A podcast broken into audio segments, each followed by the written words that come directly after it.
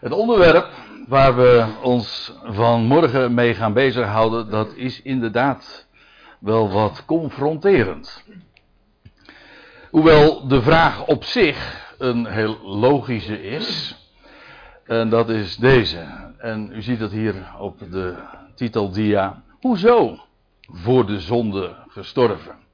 En als je natuurlijk bekend bent met het Bijbelse vocabulaire, het Bijbelse woordenschat, en als je ook uh, enigszins bekend bent met het christelijk jargon, dan zou je haar zeggen van dat is een open deur intrappen.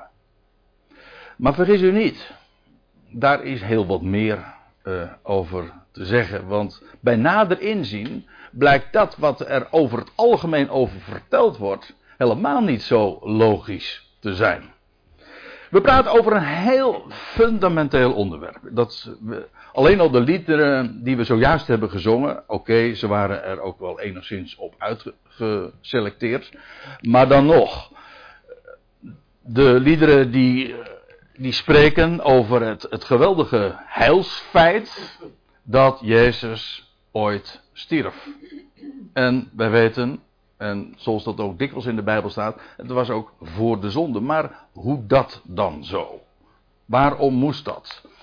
Um, nou moet ik eerst ook eventjes het eh, onderwerp ook afbakenen. En dat het vanmorgen niet gaat over de vraag voor wie stierf Christus. Die dat antwoord, uh, daarop is, uh, het antwoord daarop is heel gemakkelijk en ook heel kort te geven, daar niet van. Trouwens, het zal nog wel eventjes zijdelings ook aan de orde komen. Maar het gaat niet over de rijkwijde. Dat is nu niet het onderwerp. Het gaat over de vraag waarom stierf Christus? Of waarom moest hij sterven? Of nog meer speciaal, waarom stierf Christus voor de zonden? Ook het antwoord daarop, en dat wil ik zo in de loop van deze ochtend duidelijk maken. Het antwoord daarop is eigenlijk verrassend uh, eenvoudig. Maar ik kies vanmorgen voor, het, uh, voor de moeilijke weg. Dat wil zeggen, we gaan de confrontatie aan. In die zin dat we eerst eens gaan luisteren naar wat het antwoord doorgaans, uh, traditioneel vanuit de kerk en vanuit de christenheid is gegeven. En het, dat is nuttig. Waarom? Omdat dat namelijk ook het antwoord is, of het zijn, het zijn de antwoorden, die allemaal eigenlijk varianten zijn op het een en hetzelfde thema, die allemaal uh, toch zo bekend zijn, en zodanig zelfs, dat je er zelfs uh, moeilijk van los kunt komen. Nou, laat ik het eens doen aan de hand van. Uh, en dat zal ik dan ook meteen gaan bespreken. Maar ik begin eens met de Heidelberger Catechismus. En ik weet zeker, ja, dat weet ik echt zeker als ik zo de zaal rondkijk en uh, voor zover ik uh, een van jullie ken. Dat er velen zijn die opgegroeid zijn, ook met, met dit kerkelijk leerboek, een van de formulieren van enigheid. De Heidelberger Catechismus. En dat, die catechismus bestaat uit 52 zondagen. En die zondagen, het is de bedoeling dus dat die gedurende het jaar dan besproken worden. En dat is in de reformatorische kerken het geval. En dan zijn er, uh, het is eigenlijk een soort leerboek, een onderwijsboek, waarin een vraag gesteld wordt en vervolgens antwoord gegeven wordt. En u moet zich nou maar even niet storen aan het uh, wat oud, oude Nederlands, dat doet nu even niet de zaken. Maar de vraag luidt dan in zondag 16, vraag 40. Waarom heeft Christus zich tot in de dood moeten vernederen? Waarom was dat? Nou, een hele goede vraag lijkt mij. Je kunt dat wel zeggen dat dat moest, maar hoe dat dan zo? Dus eigenlijk is de, deze vraag precies ook de vraag, of ongeveer de vraag, waar wij uh, vanmorgen ook het over hebben. Nou, wat is het antwoord dan van de opstellers van de catechismus? Daarom is het antwoord dan, dat vanwege de gerechtigheid en waarheid van God niet anders voor onze zonde kon betaald worden dan door de dood van de Zoon Gods. Aha. Dat is de reden. Het moest, omdat voor de zonde dus betaald moest worden. En dit is een, een notie die ja, zo gemeen goed is geworden. Nou, meer gemeen dan goed moet ik erbij zeggen. Maar het is zo bekend. Het is. Uh, ik maak me sterk dat als je aan de meeste mensen zou vragen. voor zover ze enige uh, affiniteit hebben met de christelijke traditie. of met de, met de kerk of uh, met de Bijbelse boodschap in het algemeen. Dat als je de vraag zou stellen: waarom moest uh, Jezus voor de zonde sterven? Om voor de zonde te betalen. Precies wat hier de catechismus ook dus zegt. Maar laten we eens wat kritisch daarop zijn. En, want het punt is dit: dat het, het hele het idee, het concept van vergeving op deze wijze effectief de nek wordt omgedraaid. Kijk, als de zonden betaald zijn, wat is er voor God dan nog te vergeven?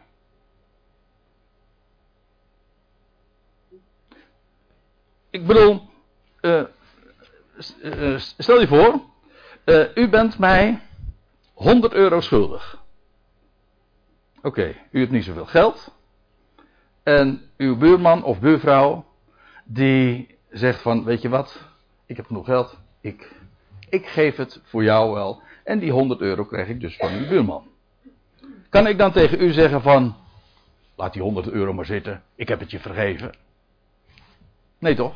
Dat is toch bizar?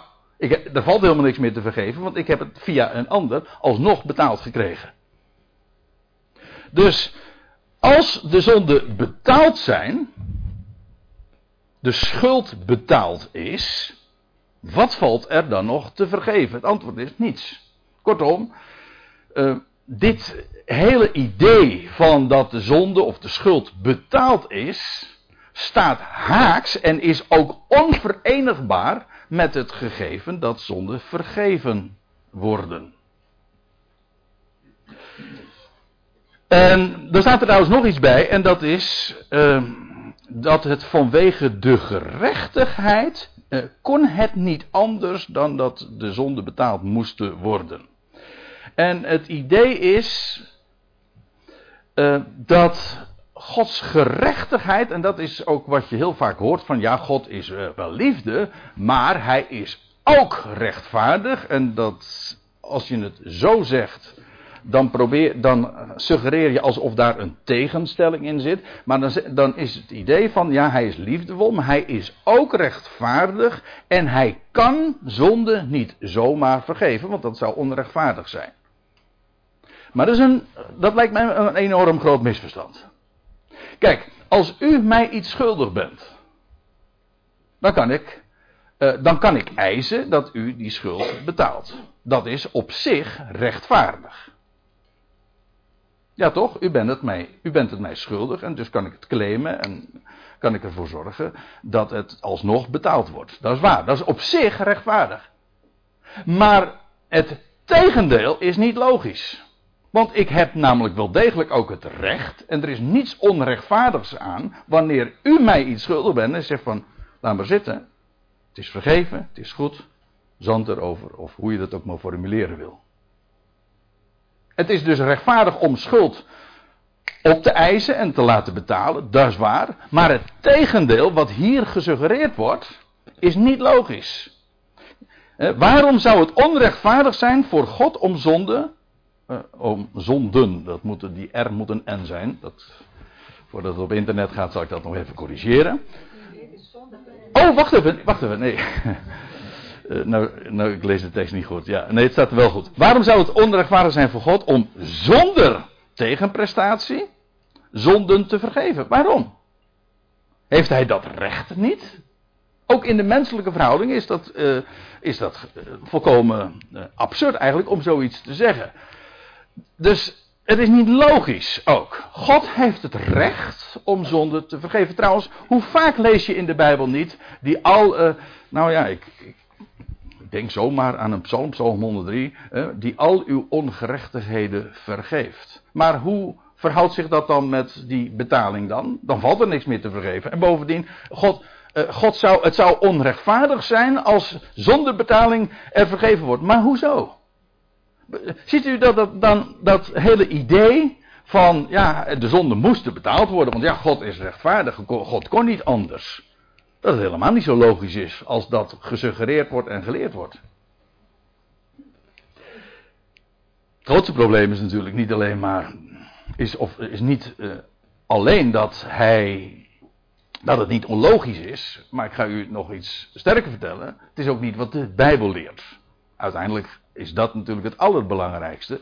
Maar ik zal u vertellen, uh, de Bijbel is juist ook logisch. Ik zeg niet dat we de Bijbel altijd kunnen begrijpen. Het gaat ons verstand te boven, maar het gaat nooit tegen het verstand in. Dat is een belangrijk verschil. Dus dat is het antwoord dan van de, van de Heidelberger catechismus. Laten we nog eens wat verder gaan. Uh, uit een tijdgenoot, ongeveer een paar eeuwen geleden. Dit was Johannes Calvijn. Ja, sommigen van u hebben hem kennelijk nog gekend. Dat u dat zomaar weet. Oh ja, nou wacht even, dat is, dat is die man van Calvé. Uh, Calvijn, ja. Johannes Calvijn. Ja, en hij is een van de twee, een van de drie reformatoren. Luther is de bekendste. Maar goed, in ons land, ons Calvinistisch land, is de bekendste protestantse stroming die van Calvijn. En die heeft een heel dik boek, uh, werk geschreven, eigenlijk in driedelig boekwerk, De Institutie. En in de institutie, ja, hij was ook trouwens een jurist en hij dacht ook heel juridisch. Maar geheel in lijn ook met de christelijke traditie, want dat gaat al vele eeuwen terug op uh, andere grote namen uit de kerkgeschiedenis. Die doen nu even niet ter zake. Um, want eigenlijk gaat het al helemaal terug naar Augustinus, die dat uh, al heeft uitgewerkt. Maar goed, uh, Calvijn die schreef het volgende. En dit is ongeveer nou, wel de ergste tekst. Sorry dat ik me zo uitdruk. die we onder ogen zien vanmorgen hoor. Want het wemelt hier van de fouten. Gewoon bijbels gezien. En laat ik het eerst eens even voorlezen. Calvijn zegt het volgende in het tweede deel van de institutie, hoofdstuk 16. God is de mens een vijand geweest. En dan even verder. God de Vader is door Christus offerande voldaan en verzoend. Zijn gramschap is door deze voorbidder, Christus dus, gestild. Oei, oei, oei, oei, oei. Hè? Ja, ik ken, die, uh, ik ken die sprookjes niet zo erg goed. Maar... Nou, die om voldoening te krijgen een zwijntje om te eten. Oké, okay, ja. Nou, in die, in die termen ga je dan wel denken, ja. Uh, maar inderdaad, dat idee van voldoen, uh, voldoening en zijn gramschap is gestild. Dan kom je zo ongelooflijk ver van het hele Bijbels getuigenis. Laten we het eens eventjes op een rijtje zetten. In de eerste plaats inderdaad dit. Dat Gods gramschap, of zijn boosheid, zijn toorn, uh, gestild zou zijn. Het idee is dan, God toornt over de zonde. Hij kan niet anders, want hij is rechtvaardig. Dat is. En die toorn is, en dat is dan de, het bewijs van de liefde, dat, zo wordt dat ook uitgelegd, is dat het niet ons of de wereld of gelovigen, daar gaat het nu even niet om, maar in ieder geval niet ons zou treffen, maar Christus heeft getroffen. Die als een soort bliksemafleider, zeg maar, de toorn afwendt van ons. Dat is het idee.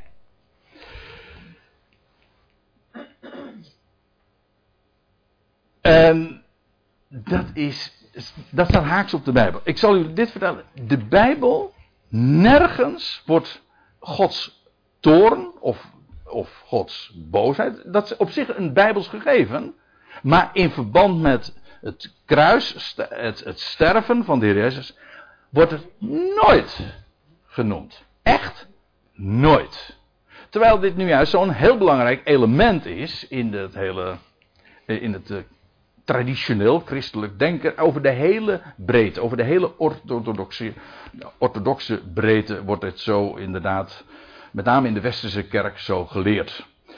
Uh, laat ik het u eens, uh, laat ik het u eens uh, vanuit Romeinen 5 aantonen. Kijk, het nadeel, dat is iets wat ik me ook heb overwogen. Misschien even een opmerking zo tussendoor. Het nadeel van deze benadering is dat ik het wat negatief doe. Hè. Ik confronteer u met de, in dit geval met de orthodoxe leer. Maar die is zo, sorry dat ik het zeg, wanstaltig. Zo onjuist dat ik denk van waarom zou ik u daarmee belasten?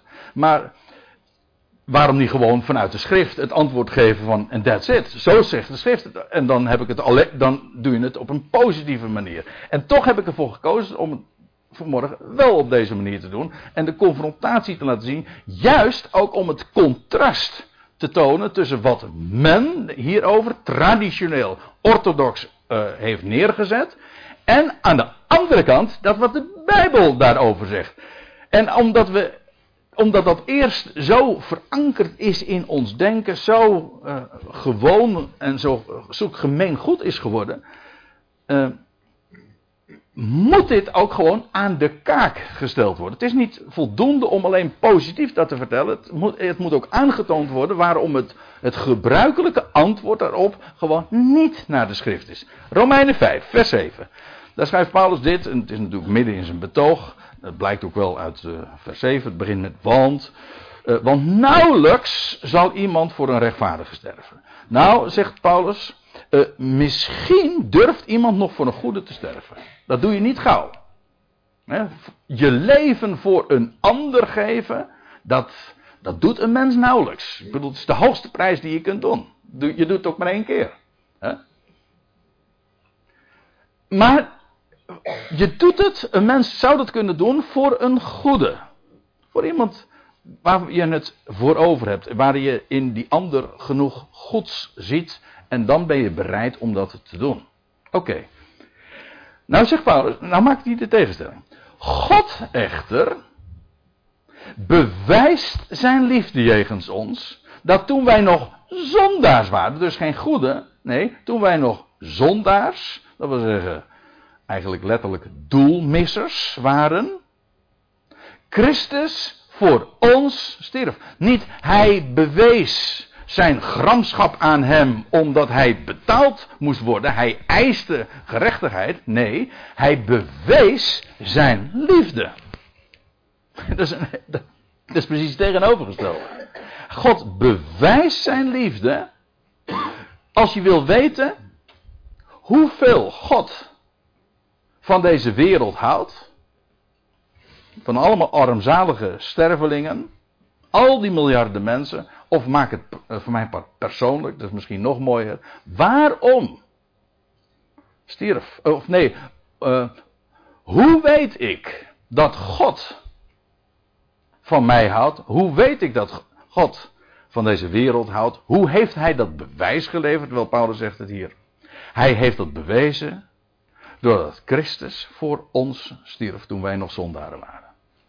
Toen we er helemaal geen aanspraak op konden maken. Sterker nog, en we zullen dat straks trouwens in een vers later nog zien in Romeinen 5. Toen de wereld haar vijandschap als nooit tevoren bewees. Door Gods zoon aan het kruis te nagelen, toen bewees God zijn liefde. Zoveel, als je wil weten hoeveel hij van deze wereld, hoeveel hij van jou houdt, kijk naar het kruis. Zo, dat had hij voor jou over. Hij stierf voor jou. Toen je, toen je goed was, toen je geloven was, nee, toen je een zondaar was. Dus toen je er geen enkele aanspraak kon, kon maken, toen stierf hij voor jou. Ja, waarom hij stierf? Uh, nou, in ieder geval is het antwoord hier om zijn liefde te bewijzen. Het, uh, zijn dood is natuurlijk niet het einde, maar daarover straks nog uh, meer. Want dat nut. Maar eerst, hij bewees zijn liefde jegens ons toen wij, dat toen wij nog zondaars waren, Christus voor ons stierf. Dus niet om zijn gramschap te stillen, maar om zijn liefde te bewijzen. En dan dit. Oh, dat is ook zo'n enorm. Nou, als ik het aardig zeg, misverstand. Laat ik het dan maar daarbij houden. Uh. God is wat Calvijn schrijft. Nou, kan het niet op twee schermen aanwijzen, maar laat ik het dan eventjes op de dichtstbijzijnde doen. God is de mens een vijand geweest.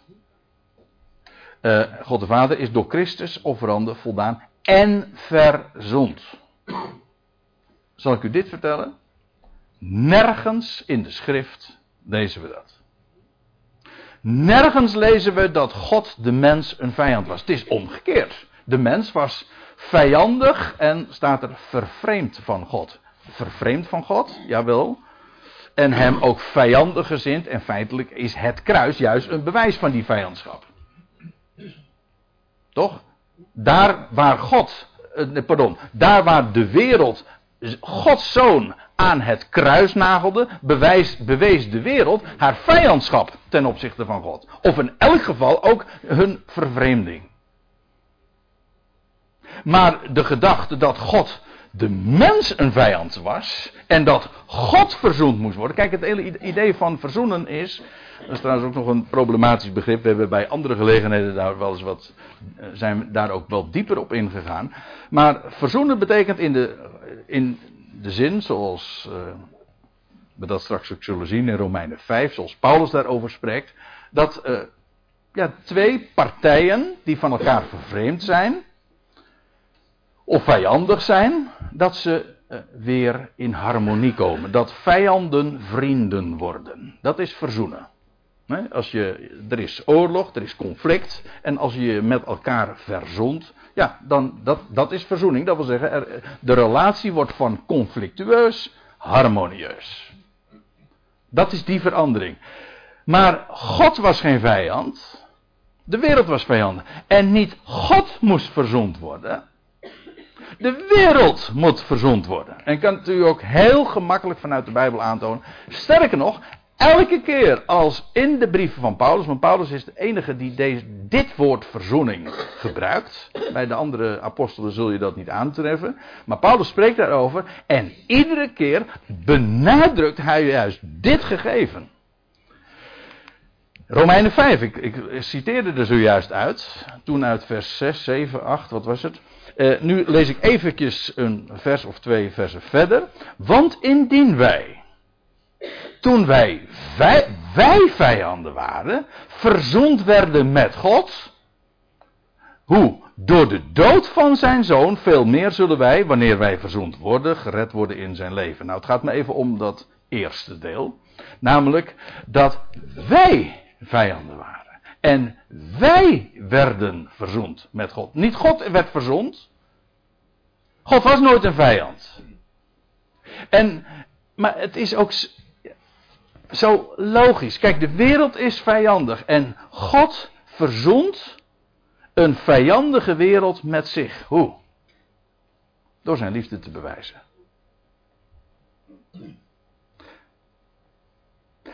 En door hen het leven te geven. Je leest in, in het boek Spreuken, dat is, dat is een prachtige tekst ook, dat indien je vijand honger heeft, geef hem te eten. Indien hij dorst heeft, geef hem te drinken. En dan staat erbij, want zo zul je uh, gloeiende kolen op zijn hoofd werpen of uh, gooien. Hè? Stapelen, nou ja, iets in die geest. Maar in ieder geval, dan, het idee is, de, dan moet de vijandschap versmelten. Op het moment dat je je vijand, je aardsvijand, en hij, zit, hij is hongerig, en geeft hem dan te eten. Ja, wat, hoe kun je je vijandschap dan nog vasthouden? Nou, de wereld was vijandig. En wat heeft God gedaan? God geeft die vijandige wereld het leven. De wereld sloeg zijn zoon aan het kruis en God zegt: Ik ga je via die zoon het leven geven. Drie dagen later deed hij hem opstaan uit de doden. En dat leven wat toen aan het licht kwam, dat gaat hij aan de, aan de wereld geven. Maar dan kan geen vijandschap nog langer bestaan. De wereld is sterfelijk. En waar heeft een sterveling behoefte aan? Aan leven. Wel, dat is wat God de wereld geeft. En dat doet hij via het kruis. Dus daarom staat er ook dat indien wij, toen wij vijanden waren, verzond werden met God. En dus er komt erbij, door de dood van zijn zoon. Namelijk de dood van zijn zoon bewijst zijn liefde. Zoveel houdt hij van deze wereld. En hij geeft die vijandige wereld via die dood het leven. En zo maakt hij vijanden tot vrienden.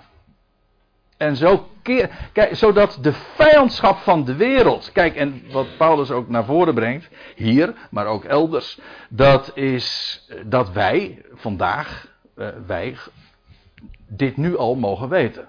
Wij zijn nu al verzond. En nou, nou wat, laat ik het meteen maar voorlezen uit Colossense 1. Uh, daar spreekt Paulus ook over die verzoening, kat alasso. Uh, nog een versterkte vorm, maar goed, dat, dat laat ik nu eventjes voor wat het is. En dan wordt er gezegd, en door hem, dat wil zeggen dat God door hem, dat, dat wil zeggen de zoon, kijk het maar eens na in die context. Uh, het al, tapanta, het heelal.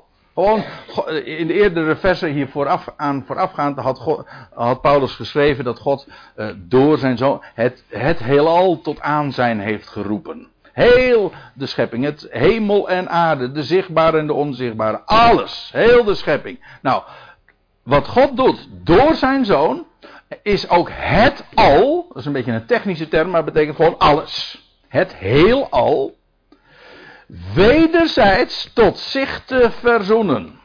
Dat wil zeggen, hij, uh, wederzijds heeft te maken horizontaal, verticaal, maar tot zich te verzoenen. Hij verzoent zich niet tot de wereld, met de wereld. God was nooit een vijand. Nee, hij verzoent de wereld tot zich. Dat is toch een wereld van verschil? En er staat erbij, vrede maken door het bloed van zijn kruis. Juist toen de wereld haar vijandschap op, de, op een ultieme wijze bewees, toen bewees God juist zijn liefde. En juist daardoor verzond hij de wereld. Dat is trouwens een, een, mooie geschiedenis. De mooiste is, als u het mij vraagt, de mooiste illustratie in het Oude Testament uh, is de geschiedenis van Jozef. Als u het mij vraagt. Ja, want dan, ja, dan waren het de broers van Jozef die hun, hun broer, hun jongste broer, uh, ja, in de put wierpen. Eigenlijk in de praktijk hebben ze hem vermoord. Nou ja, hij werd er weer uit de put gehaald, maar dat wisten zij niet. Maar in ieder geval, ze hebben hun broer verworpen. Ja, maar juist daardoor, dat zegt jo Jozef later ook, hij zegt: Jullie zijn het niet geweest hoor, die mij, uh, die mij verworpen hebben. Maar God heeft mij eigenlijk voor jullie uitgezonden en mij naar Egypte gestuurd om jullie in het leven te behouden. Die broers die waren zo vijandig ten opzichte van Jozef. Ze konden hem niet zetten. Maar wat dacht, er, wat dacht je? Wat er van hun vijandschap overbleef toen eenmaal bleek dat die man die zij hadden verworpen, hun redder was. Dat wil zeggen, hij hield hun in leven. Ik ga er even vanuit dat jullie eh, de geschiedenis kennen. Hij gaf hen brood. Zij waren hongerig en hij gaf hen brood. Ja. Wat kan er dan nog overblijven van vijandschap? En de, het boeiende en het frappante en de parallel ook trouwens met, met de kruisdood van Jezus is deze. Juist doordat hij verworpen werd, werd hij de redder van zijn broers. En trouwens van heel Egypte, want hij werd de redder der wereld ook genoemd. Dat is apart. Juist door de vijandschap, juist doordat hij in de verworpen werd en in de praktijk zelfs vermoord werd, vader Jacob dacht ook dat hij dood was. Juist door die weg werd hij hun redder. Nou, dat is precies wat uh, eigenlijk het Bijbels getuigenis is over Jezus Christus.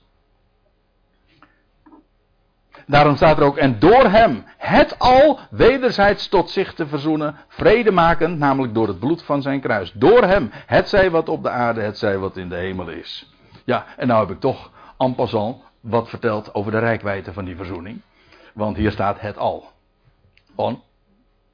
Dus de, die vijandige wereld en vervreemd het alles verzond God door hem, namelijk door het bloed van zijn kruis, tot zich. Niet hij verzond zich met de wereld. Well, alsjeblieft, eigenlijk, met dat we ermee geconfronteerd worden deze ochtend, zeg ik, alsjeblieft mensen, uh, vergeet het, want het is zo, het is zelfs als je erover doordenkt, zwaar godslastelijk. Omdat het, het Gods liefde compleet in zijn tegendeel laat verkeren. En maak je er een bloeddorstige God van, God die eerst vergelding nodig heeft. Ik weet het, het is genuanceerd in de traditie. Maar dat is wel wat, er, wat de indruk die men achter heeft gelaten. En wat strikt genomen ook geleerd wordt. Namelijk een God die rechtvaardigheid eist. Betaling eist omdat hij anders niet kan vergeven. En zo wordt het, het ultieme bewijs van Gods liefde. Namelijk dat kruishout. Gemaakt tot een, tot een, een, een, uh, een voorwerp. Een, waarbij God genoegdoening en plezier in vond, want nu werd hij eindelijk betaald. Het is toch wanstaltig als je daarover doordenkt. Daarom, het is niet genoeg om alleen maar de Bijbel daarin te laten spreken, dat klinkt wat vreemd, maar ook om, de, om het aan de kaak te stellen wat daarover geleerd wordt. Goed. Ik moet verder gaan, want uh, er was nog iets. En ook dat is een belangrijk punt. Namelijk dat hier uh, gezegd wordt, en dit is ook zo een wijdverbreid misverstand. Namelijk dat het kruis het offer zou zijn. En ik kan me zelfs voorstellen dat als je uh, niet uh, zo vertrouwd bent met deze Bijbelstudies, dat je zegt: van, maar is dat dan niet zo? En het antwoord is nee. Nergens in de Bijbel is het kruis het offer. Het heeft er wel mee te maken. Kijk, hoe was het? Ik, laat ik eerst eventjes uh, het antwoord hier voorlezen. Het kruis is niet de offerande, is niet het offer. Nee, wat is kruis dan wel? Wel, dat is de slachting die aan het offer, de offerande, vooraf ging. Kijk. Um, om eventjes bij dit plaatje te hebben. Uh, nou, je ziet het misschien niet zo heel erg duidelijk, maar dit is een plaatje uit uh, de tempel of, de, of een afbeelding of de tabernakel of hoe dat ging, er aan toe ging in de tempel. Dan was daar een altaar. En hoe ging dat dan? Dan bracht iemand een, een offerdier. En dan werd dat dier, een stier, een bok, een lammetje, geslacht. Was dat het offer? Nee, dat was noodzakelijk om het offer te brengen. Eerst werd dat dier geslacht, vervolgens werd het verhoogd daar op zo'n verhoging, het altaar. En steeg het op, verrees het. Ik hoop dat u de woordspeling eh, ook oppakt.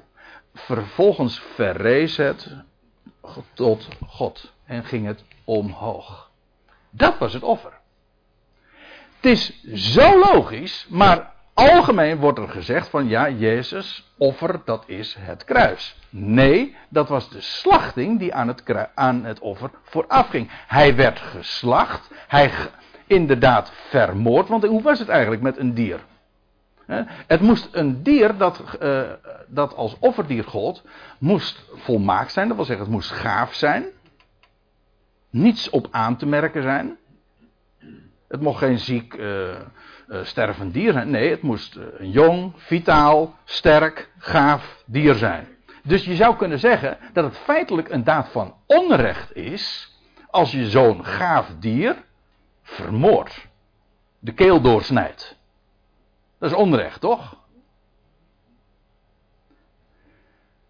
Maar zo had God het ook bepaald. Zo moest het gebeuren. Maar het was niet het offer. Het offer vond plaats na de slachting, als het na de slachting vervolgens verrees. Maar dat is een beeld. De Bijbels in de Hebreeënbrief wordt ook gezegd, het was een schaduw van, van de dingen die zouden komen en van het grote offer. Van hem die ooit geslacht werd. Een volmaakt lam was hij, ja zeker. Maar hij werd geslacht door mens. En vervolgens, daarna, ten derde dagen, steeg hij op, verrees hij goden tot een liefelijke reuk. De liefelijke reuk was niet aan het kruis. Dat was geen, niet de voldoening, want dat is de gedachte die er traditioneel achter zit. God kreeg voldoening doordat hij daar de schuld betaald kreeg. Dat wat de wereld hem schuldig was. En de plaatsvervanger, zo wordt het ook geleerd, de plaatsvervanger die betaalde. Dat zou de voldoening zijn. Nee! Het was, hij, moest slacht, hij moest geslacht worden. Waarom? Om vervolgens te verrijzen. En dat is ook de reden waarom de Heer Jezus stierf. Hij stierf om op te kunnen staan uit de doden. Eigenlijk het antwoord is zo, zo voor de hand liggen. Hij stierf om op te kunnen staan uit de dood. Als hij niet eerst gestorven was, hoe zou hij dan ooit de dood kunnen overwinnen? Hij zou de dood overwinnen en daarmee dus ook een einde maken. Ja, als je, de dood ligt dan achter hem. Hij brengt nieuw leven aan het licht en dat is voor God de liefelijke reuk. En dat leven wat hij aan, als eersteling aan het licht bracht, ja, dat is een, een heel nieuw leven waarin de zonde en de dood achter je ligt. Dus hij stierf inderdaad voor de zonde, namelijk om ons van de zonde te bevrijden. Om ons nieuw leven te geven. En dat in dat nieuwe leven, in dat offer, in het feit dat hij opsteeg tot God, ja, daarin is de liefelijke reuk voor God eh, gelegen. Want daarin, in dat onvergankelijke leven wat toen aan het licht uh, uh, gebracht werd, ja, daarin is de toekomst van deze wereld besloten. Dat leven wat Jezus Christus 2000 jaar geleden aan het licht bracht, dat leven gaat hij geven aan deze wereld. Een wereld van zondaren en een wereld die gekenmerkt wordt door vijandschap. Maar wat kan er overblijven van een vijandschap als de wereld eenmaal dat gaat zien? Er staat in Hebreeën 13, laat ik dat, die tekst dan nog even noemen. Eh, het is een onderwerp eigenlijk wat ik nu aan heb gesneden aan zich. Maar goed, ik wilde het wat uh, overzichtelijk vertellen vanmorgen. Zo de diverse punten die allemaal met elkaar te maken hebben, zo in het licht te stellen. Er staat nu in Hebreeën 13, vers 20: De God nu van de vrede, die omhoog bracht vanuit de doden. En ik heb er even als aantekening bijgezet dat omhoog eh, gebracht, dat is een, een werkwoord wat we elders, dat is heel letterlijk, omhoog gebracht. En dat wordt ook gebruikt, en ik heb hier het, uh, tekst, de tekst ook bijgeschreven, in Handelingen 7 vers 41. Dan gaat het over een offerande. En een offerande wordt omhoog gebracht. In de dubbele zin, namelijk op het altaar gebracht, maar ook vervolgens dat het opstijgt. Het woord brandoffer is in, in het Hebreeuws zelfs, dat is dus uh, uh, niks anders dan opstijgen. Dat is wat een offer is. Namelijk, het dier dat geslacht is, stijgt alsnog en daarna en op basis daarvan op en verrijst. De God nu van de vrede die omhoog bracht vanuit de doden de grote herder van de schapen in bloed van een ionisch, van een eeuwig verbond, de Heer van ons, Jezus. Nou, het gaat me even om die onderstreepte woorden. Hoewel, ook hier wordt die link gelegd met het bloed. Dus hij gaf zich, hij stierf. Dat bloed is eigenlijk een embleem van het offer. Dat wil zeggen, hij werd geslacht, maar dan ook. Je kunt het eigenlijk ook niet uit, terwijl ik het zeg, uh, in twee knippen. Hij stierf, ja, om op te staan. Zijn dood hoort bij zijn opstanding. Want hij moest sterven om te kunnen opstaan. Net zo goed als hij moest worden geslacht om te kunnen verrijzen en, en om uh, als offerande om op te stijgen. Dus die twee horen bij elkaar. Het een verklaart het ander. Het was noodzakelijk uh, dat dat eraan vooraf zou gaan. Nog een antwoord. Ik, u ziet, ik heb, uh, ik heb wat geciteerd uit de Heidelberger Catechismus, zojuist van Johannes Calvijn. Uh, nu gaan we, ga ik, ik, ik, heb weer iets, dat is al langere tijd terug, heb ik eens iets gelezen van, op de website van de Evangelische Omroep. Maar ik had honderden andere voorbeelden kunnen geven. Ik wil u alleen maar even ook laten zien hoezeer deze hele gedachte, waar we het vanmorgen over hebben, de hele christenheid doortrokken heeft. Ja, het is ook het, uh, ja, de wijze waarop het kruis verklaard en uitgelegd wordt. Nou, hier uh, nog een voorbeeld ervan. Omdat hij, en dan gaat het over Jezus, geen straf voor zonde verdiende, kon hij die straf in plaats van anderen vrijwillig op zich nemen. In zijn dood aan het kruis heeft hij dus plaatsvervangend onze straf gedragen. Dat betekent dat de straf voor onze zonde al is betaald. Weer eigenlijk uh, het antwoord dat we zojuist ook al zo tussen de regels door expliciet of impliciet zagen. Nu trouwens nog iets anders. Want uh, daar zit een element van waarheid in, namelijk dat Jezus de straf droeg. Maar dan moet je, ik moet meteen wel goed zeggen. De kruisdood was niet Gods straf, maar de straf die mensen Jezus, aan, aan, aan Jezus voltrokken. Dus hij droeg de straf, jawel, maar het was de doodstraf die mensen hem oplegden. En in de Bijbel lees je in, Romein, in Jezaja 53, uh, eh, daar wordt ook over die straf uh, gesproken. Maar het wordt uh, algemeen ook ja, uitgelegd ja, in de termen van ja, de orthodoxe leer zoals we die hebben bijgebracht, bijgebracht gekregen. Zeg ik het goed? Oké, er staat in Jezaja 53, u weet. Jezaja 53 is het hoofdstuk bij uitstek, of een van de hoofdstukken bij uitstek, waarin de, de knecht van Yahweh eh, voorzegd wordt. Uh, de Messias, wie hij zou zijn. Uh, en, en, uiteindelijk, eh, Jezaja 53 is ook de beleidenis die Israël ooit zal uitspreken wat zij gedaan hebben met hun Messias. Ongeveer vergelijkbaar met wat ik het zojuist over had de wat uh, de broers van Jozef uiteindelijk ook zullen hebben uitgesproken naar Jozef toe. En dan, uh, ze hadden hem miskend, ze hebben hem verworpen. Ja, maar uiteindelijk zullen ze alsnog tot erkenning komen van wie hij is. Nou, Jezaja 53 is uh, ook zo'n hoofdstuk. Daar worden, dat zijn woorden in, op de lippen of op de tong van Israël. Dat ons en de wij, dat, dat is het volk Israël. Natuurlijk, je kunt zeggen van wij mogen dat toch ook op onze lippen nemen. Prima, maar realiseer je, als je het uitlegt, kijk maar naar het hele verband, het gaat over Israël. Nochtans, onze ziekte, ik lees voor, Jezaja 53 vers 4.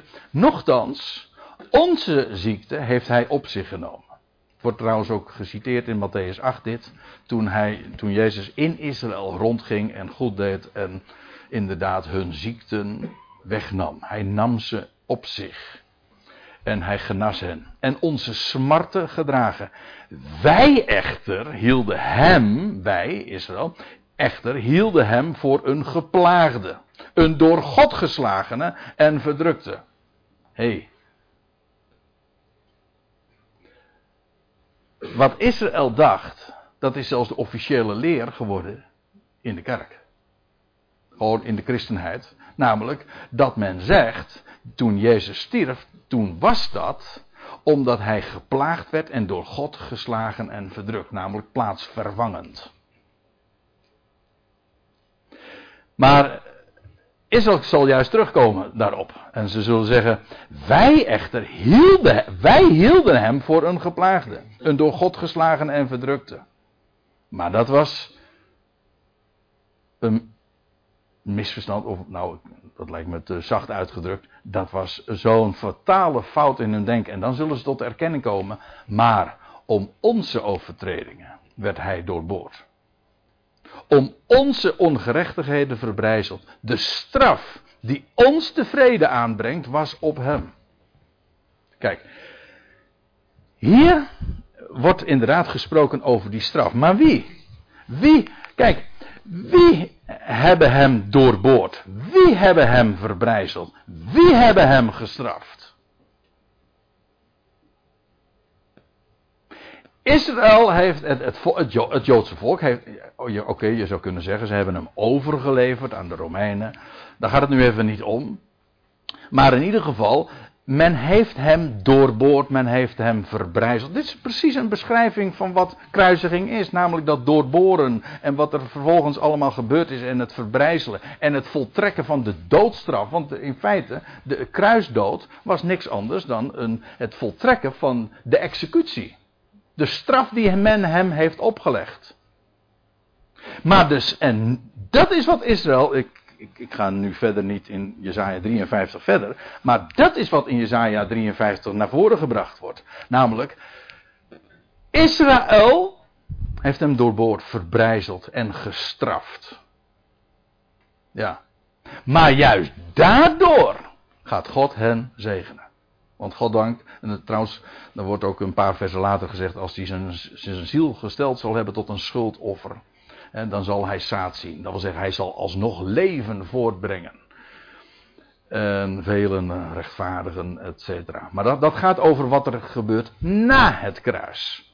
Het is, hier wordt gesproken over het feit dat het lam, ja trouwens, dat staat hier ook. Hij ging als een lam ter slachting.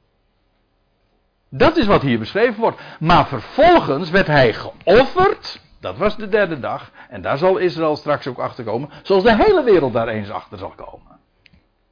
En dan zal men ook de betekenis zien van zijn sterven. Hij stierf om ons, de wereld, het leven te geven. Een leven namelijk dat de zonde en de dood achter zich heeft.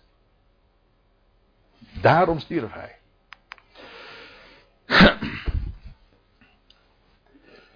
Nog een, ehm, een, een, een misverstand in, eh, in wat hier in de EO-gids, geloof ik, of de website van de EO stond. maar daar hebben we het eigenlijk al over gehad. Eh, de zonden werden niet betaald, zoals hier wordt gesuggereerd. Hè. Dit betekent dat de straf voor onze zonde al is betaald. Nee, de zonden werden niet betaald. Maar ze werden vergeven. En niet toegerekend. Ik lees, neem u even mee naar 2 Korinthe 5. Ik moet snel wezen, want ik zie dat de tijd voortschrijdt. Uh, 2 Korinthe 5. Echter, alles, schrijft Paulus, is uit God. Die ons tot zichzelf verzonden. Hoort u het? Die ons tot zichzelf verzonden, inmiddels verleden tijd. Want ons, dat zijn hier degenen die tot inmiddels die erkenning gekomen zijn. Die niet langer vervreemd en vijandig zijn, maar in een relatie van harmonie met God zijn. Die ons tot zichzelf verzoende door Christus. En aan ons geeft de bediening van de verzoening. En die bediening van de verzoening is dat wij daarvan mogen spreken. Over God die de wereld met zich verzoent hoe vijandig de wereld ook is en hoe ze zich ook opstellen tegenover hem, als slaan ze zijn zoon aan het kruis, God zegt, ik hou van deze wereld en ik laat hem nooit gaan. Als je wil weten hoeveel ik hou van deze wereld, kijk naar dat kruis. En door dat kruis ga ik deze wereld het leven geven. Dat is de bediening van verzoening. En hoe dat God, vers 19, in Christus de wereld met zich verzoenende was. En wat deed hij toen? Toen Christus in de wereld was? Wel, hij verzoende de wereld toen met zich. En hoe deed hij dat? Hen de misstappen niet toerekenend. En nu weer even het contrast met de traditionele leer. Dat de traditionele leer is, toen Christus aan het kruis hing, toen heeft God de zonde van de mensheid, of van de kerk, of whatever, in ieder geval van de mensen, aan Christus toegerekend. Nee, zegt Paulus, God heeft de misstappen niet toegerekend. Dus ook zelfs niet toen ze hem aan het kruis nagelden, heeft hij hen dat niet toegerekend. En dan zegt de kerk, ja maar dat is, uh, dat is onrechtvaardig. Want God moet toch, God kan niet zomaar dat uh, door de vingers zien of God kan niet zomaar vergeven. Hoezo niet?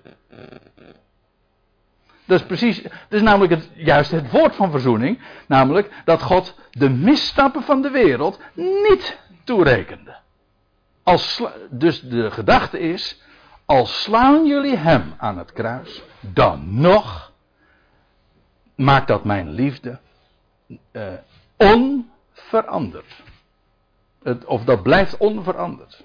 En zo plaatst hij ook in ons het woord van de verzoening. En ziet u hoe dit alles te maken heeft met de boodschap die we uitdragen. Ja, het evangelie, dat is het woord van de verzoening. Dat is de God die de wereld met zich verzond. En dat heeft alles te maken met liefde.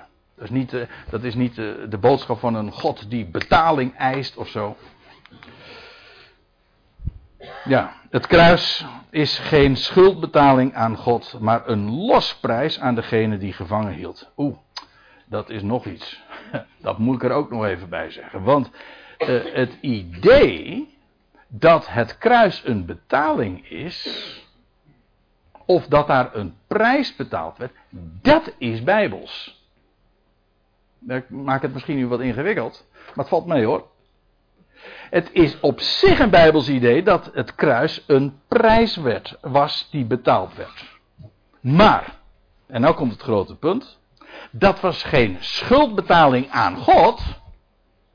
Daar hebben we het nu over gehad. Het was een losprijs. En weet je wat het grote verschil is? Een, een losprijs betaal je aan degene die gevangen houdt. Toch? Je, bijvoorbeeld eh, een, een slaaf, eh, dat, dat gebeurde in de dagen van dat de Bijbel opgetekend werd, was dat een bekend fenomeen. Er werd een, een slaaf die gekocht was door iemand, die kon worden vrijgekocht. Uh, dan moest er een losprijs worden betaald. Dat wil zeggen, dat was die, dan werd dus de eigenaar, uh, die kreeg een prijs voor die slaaf. En dan was die slaaf vrij. Of werd hij de eigenaar van een ander. Of werd hij het eigendom van een ander. Dat kan.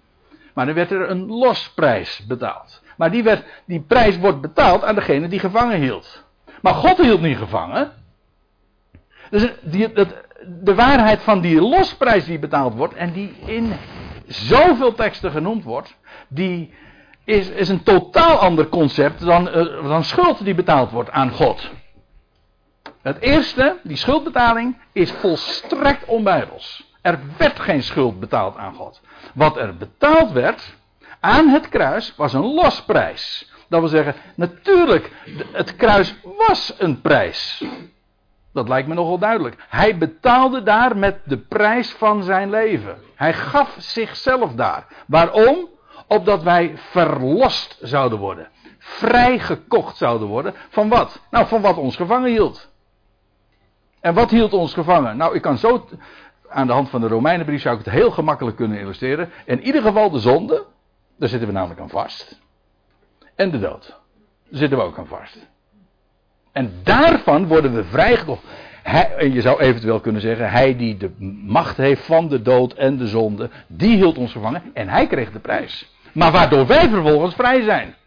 Doordat hij, hij betaalde de prijs en door die prijs te betalen worden wij vervolgens bevrijd en krijgen we leven. Waarin de zonde en de dood volstrekt uh, verleden tijd zijn.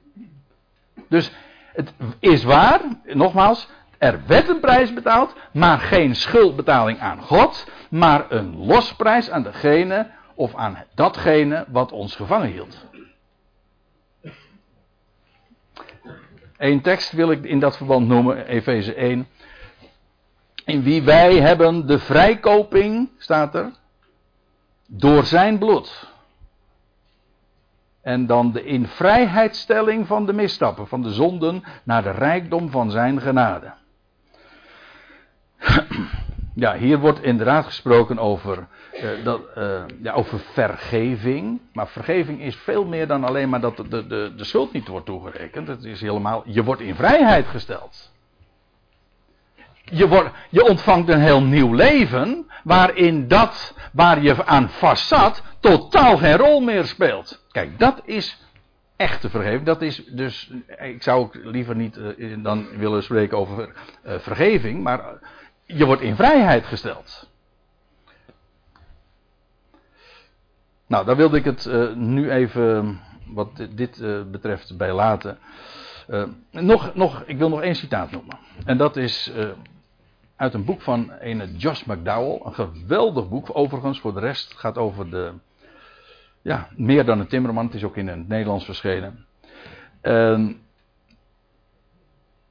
maar dan legt hij het zo uit.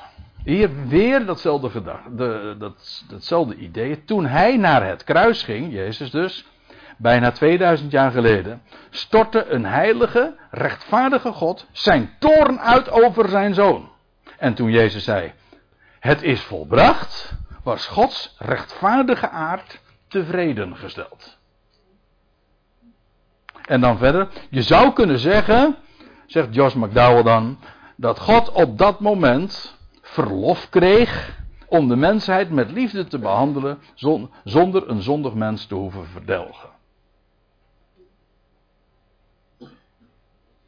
En als je nou zegt van ja, maar dat zegt Josh McDowell. Nee, dit is algemene kerkelijke, christelijke, traditioneel orthodoxe leer. Dit is gewoon het, het hele idee waarom men uh, uh, zegt dat Jezus stierf, of dat men uitlegt uh, waarom Jezus moest sterven. Maar het is precies tegenovergestelde. Nergens in de schrift lezen we dat God zijn toorn uitstort over zijn zoon. Het is toch onvoorstelbaar dat zo'n kernpunt, hè, we hebben het hier over waarom moest Jezus sterven, dat men dan uh, de toevlucht neemt tot een uitleg die nergens in de Bijbel staat. Ik had het liefst eigenlijk een tekst genoemd waar, als men zich daarop dan had gebaseerd, en dan had ik zeggen nee, maar dat betekent iets anders. Maar in dit geval kon ik dat niet eens. Ik kan niet eens verwijzen naar de tekst waar men dat op beroept, want die heeft men niet eens. Dus er valt hier niks in recht te zetten. Ik kan alleen maar aan de kaak stellen van het staat gewoon nergens. Ik daag u dus bij deze ook gewoon uit. Er staat nergens in de schrift dat God zijn toorn uitstortte over zijn zoon of iets dergelijks. Nooit. En met die uh, mededeling, uh, daar moet ik het gewoon bij laten. En dat lijkt me ook wel uh, ontdekkend en duidelijk genoeg. En in de kruisdood ontving God geen rechtvaardige voldoening. Nee, het is precies omgekeerd. Maar ondanks het kruis doet hij recht aan al zijn beloften. Dus niet dankzij het kruis, maar ondanks het kruis. Ik zal een voorbeeld geven, Handelingen 2. Dan lees je over dat Petrus op de Pinksterdag over Jezus spreekt. En dan staat er deze, dan gaat het over de Heer Jezus, in de bepaalde raad en voorkennis van God is hij uitgeleverd door de handen van wettelozen, vastnagelend, ruimde jullie hem uit de weg. Dat zegt Petrus dan op het tempelplein tegen zijn volksgenoten. Jullie ruimden hem uit de weg. Nou ja, hij zegt er wel bij, het was naar de bepaalde raad van God. Het moest ook zo. Dat is waar. En God wist het ook, en sterker nog, het was al voorzegd. De Christus moest lijden. En heel de offerdienst, eerst een slachting, daarna het offer, eh, was daar eigenlijk al een symbolische weergave ook van. Het moest gebeuren. Wel, naar de bepaalde raad en voorkennis. Maar het was onrecht. Jullie ruimden hem uit de weg. Dat, is eigenlijk, dat zijn de striemende woorden die, die Petrus hier uit op het, op het tempelplein. En dan staat er: Jullie ruimden hem uit de weg, maar God deed hem opstaan. Dat wil zeggen, jullie doden hem, maar God deed hem opstaan, losmaken de barensweeën van de dood. Omdat het niet mogelijk was hem door deze vast te houden. Dat wil zeggen, eigenlijk de dood wordt hier vergeleken met een baarmoeder. God gaat door die dood nieuw leven geven.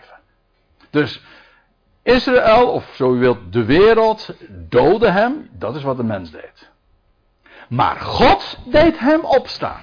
En geeft, juist via hem die jullie hebben vermoord, aan jullie het leven. Alsjeblieft. Dat is mijn liefde. Ziet u ook dat er ook niets is wat zijn liefde ongedaan kan maken? Dat, hij, dat het werkelijk zo is dat je nooit uit zijn hand kan vallen. Als zelfs het, de moord op zijn zoon zijn liefde onverminderd juist ja, niet alleen maar laat gelden, maar ook zelfs uh, op zijn hoogst bewijst. Ja, dat is alles overtreffend. En tenslotte, en daar moet ik het echt bij laten, 1 Korinthe 15, daar zegt Paulus dit. Ik leverde aan jullie, dat zegt hij dus aan de Corinthiërs. Ik leverde aan jullie in de eerste plaats over, hetgeen ook ik, uh, ik ook ontving, van Christus zelf trouwens, dat Christus stierf. Oh, sorry. Dat is niet helemaal goed. Uh, dat Christus stierf voor onze zonde. Dat is waar. Naar de schrift. Dat wil zeggen, het was in overeenstemming met wat er in de schrift stond. En dat hij werd begraven. En werd opgewekt op de derde dag. Naar de schriften. Dat wil zeggen, het was allemaal zoals voorzegd was. Hij stierf voor onze zonde. En ik hoop dat het inmiddels duidelijk is. Hij stierf voor onze zonde. Ja, waarom? Om ons daarvan te bevrijden. En hoe, wanneer, sinds wanneer zijn we ervan bevrijd? In zijn opstanding. Hij stierf om te kunnen opstaan en om ons nieuw leven te geven waarin zonde en dood voorbij is. En als je dan even ook doorleest in vers 17, dan zegt Paulus dit. Indien Christus echter niet zou zijn opgewekt, dan is jullie geloof zinloos. En dan zegt hij erbij, en dan zijn jullie nog in je zonde. Zie je? Het heeft alles te maken met dat nieuwe leven dat hij aan het licht bracht.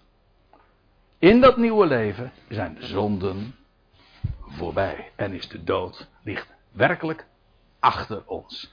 Zo, en om die reden stierf hij voor onze zonde. Nou, ik hoop dat uh, zo uh, in dit uur uh, duidelijk te hebben gemaakt. We hebben het er al eens wel eens bij een andere gelegenheid ook wel over, meer over gehad. Maar er werd mij gevraagd, dat had ik eigenlijk even in de inleiding moeten zeggen, van André, hoe zat dat nou ook alweer?